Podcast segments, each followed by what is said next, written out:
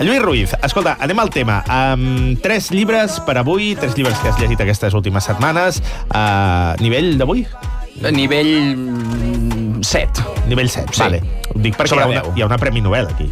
Hi ha una, Una Premi Nobel, una Premi Nobel no? Sí, no és Però és que és en garantia, ja en Lluís. parlarem. No és ja en garantia, parlarem, eh? Ja en Si parlarem. no és. Bolaño, no és no, 10 està bé, punt, l'Erno, ja està està. bé. Està bé? Sí. Vale. Però abans abans de, de parlar-vos de l'esdeveniment d'Annie Ernaux, us parlem de George Saunders i aquesta uh, novel·la? Un conte infantil, Conte- Laia. Ah, Ah, ja m'interessa. Zorro veuràs. 8.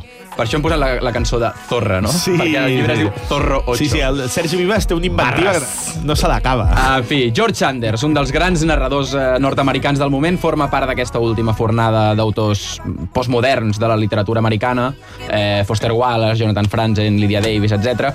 I per mi Saunders eh, doncs és un d'aquells autors recurrents eh, de qui llegeixo tot el que surt sense fer-me gaires preguntes perquè ja sé que serà de, de qualitat. I dic això perquè això és el que va passar quan vaig anar a la llibreria a fer una ullada, que aquest és un altre tema també, com que ja no faig de llibreter, eh, Clar. no me n'adono d'absolutament tot el que surt, i ara puc anar a la llibreria, posem pel cas, cada 15 dies, i eh, de cop em trobo 10 llibres que m'interessen, eh, que no sabia que havien sortit i que em fan una il·lusió tremenda.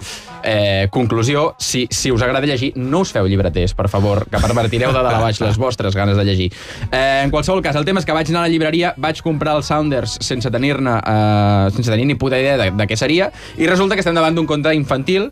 Eh, és una historieta... Segur, perquè la pinta no és, eh? Espera, espera, Vale. ara, ara ho desmembrem. Eh, és una història bastant fonda, exacte, diguem-ne disfressada amb aquesta aparença de, de conte infantil. Mm. Eh, és un conte que va escriure pel The Guardian, algun diari d'aquests, eh, i que ara han editat en llibre, però que igualment he volgut recomanar perquè m'ha agradat. Eh, Zorro és la història d'una guineu, la història ja veuràs que sí que és infantiloide, Val. eh, que força d'apropar-se cada nit a una casa del costat del bosc on viu i escoltar com eh, una mare explica històries als seus fills abans d'anar a dormir, eh, aprèn a parlar humà. Ah, I aquest és el motiu pel qual aconsegueix convertir-se en narrador de la història que se'ns explica, un relat, evidentment, ple de faltes d'ortografia, perquè la guineu és analfabeta, eh, i la història que ens explica és la de com arrasa en el bosc eh, on viu per crear-hi un centre comercial que, irònicament, en honor a les guineus que hi viuen, es dirà el Mirador de la Guineu, i durant el procés de construcció del centre devastaran tot l'ecosistema de les guineus, deixant-lo sense, sense lloc on viure i sense menjar, fins al punt que la guineu haurà d'entrar al centre comercial a buscar el menjar, eh, amb tot el que això, bo i dolent, eh, desencadenarà. Hi ha, evidentment, el primer transfons eh, que ens trobem, que és, és l'ecologista o el mediambiental, no? i aquest és molt explícit, i a més, Saunders aconsegueix que tingui certa profunditat, amb un, amb un sentit de l'humor bastant cínic i bastant canyero. Hi ha també tot un seguit de mecanismes i de recursos literaris que fa servir que són molt interessants, perquè eh, és el que dèiem, no? En el fons no és un conte infantil a l'ús per explicar als infants, sinó que té bastanta tralla literària. Eh, jo el que he trobat fantàstic és l'ús que fa de la faula com a gènere. Al final la faula, entenent la faula com a relat didàctic protagonitzat per animals, eh, és el súmum del gènere infantil, un gènere que en la tradició escrita s'ha fet servir des de l'època clàssica i que en el fons està a les antípodes de la novel·la. Eh, al final la faula el que fa és simplificar al màxim la història perquè la pugui entendre tothom, perquè la seva moral és molt explícita i, i, i sigui fàcil d'entendre. Eh, que Saunders estigui fent un conte en forma de faula per adults eh, un relat ecologista, que és un tema de primer ordre sobre el que s'ha teoritzat a tort i a dret i que se n'ha parlat de totes les maneres possibles.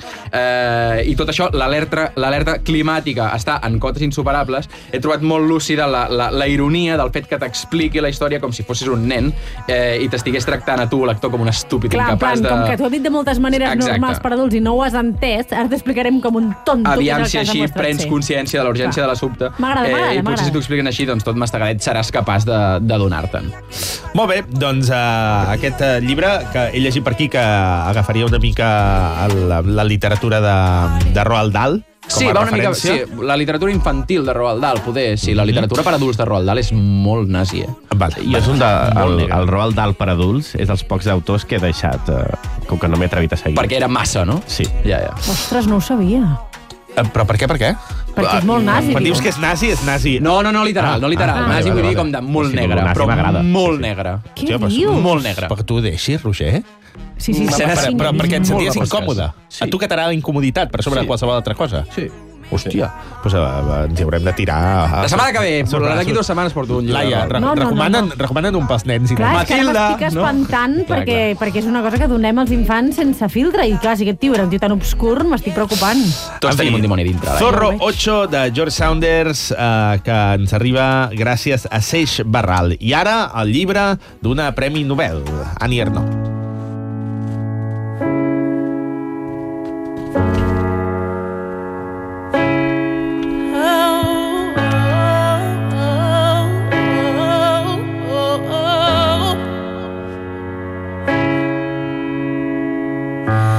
Fought for you.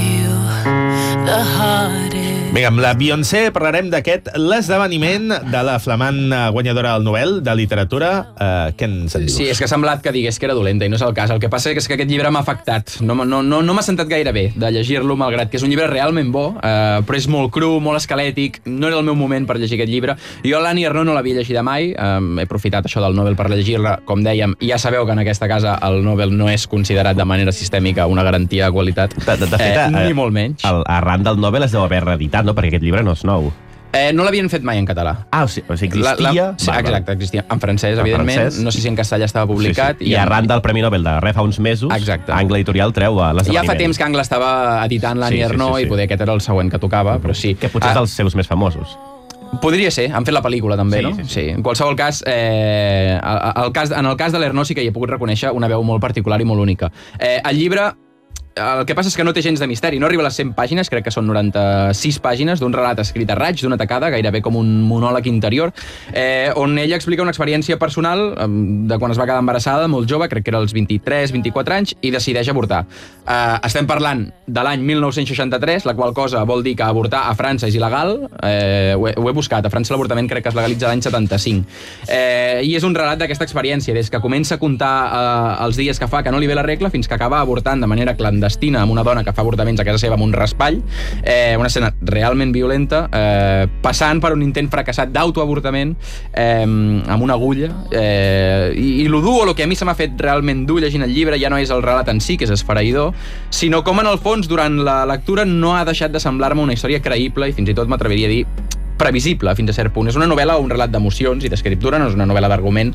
I la cosa és aquesta, que la narradora es troba eh, en tot un seguit de situacions que, hòstia, sa- saps que són certes i és molt fàcil de creure-te-les. I el drama personal que això implica eh, és dur i és fàcil d'imaginar que una dona realment jove d'aquesta edat i en aquest context ha hagut de passar tots aquests eh, esdeveniments de la manera que el passa, eh, la narradora del llibre és una cosa realment violenta, o a sí, mi m'ha violentat. Jo que sí que he vist la pel·li, que la teniu a Filmin, eh, em quedo sobretot amb la- la- l'amenaça que li diuen no, a una dona que vol avortar, que és o, o te'n vas a la presó o et moriràs. Clar, és és a dir, o t'enxampen i te'n vas a la presó, o a mig avortar et moriràs perquè són avortaments, eh, vaja, sí, clandestins, per així I dir-ho. el, I el dilema eh, moral, inconscient, que tu et deus mm, fer mentalment a tu mateixa quan et diuen que això és il·legal, no? Vull dir, et deus sentir realment eh, culpable, no? Bueno, en qualsevol cas.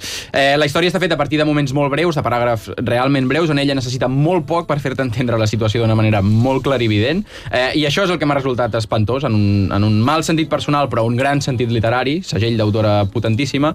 Eh, jo, bu- bueno, tinc entès que tota la literatura de l'Ernaux funciona una mica d'aquesta manera, gairebé tota, diguem-ne, a partir d'un estil eh, mig autobiogràfic o autoficcional, eh, i la gran majoria dels seus llibres són també molt breus, així que suposo que seran eh, de la mateixa contundència, i jo amb tot l'amor del món cap a l'Annie Ernaux eh, no em veig amb cor, com en Roger Manroald Dalt, d'agafar un altre llibre seu. Ara bé, aquells que se sentin eh, valents i valentes eh, per fer-ho, doncs crec que sí que gaudireu realment de la seva literatura. Molt bé, doncs uh, l'esdeveniment d'Annie Ernaux, si l'heu llegit vosaltres, oients, uh, ens ho expliqueu tant en les, edi uh, les edicions en castellà, les que hi havia fins ara, com la nova, la primera en català, que ens arriba via Angle Editorial.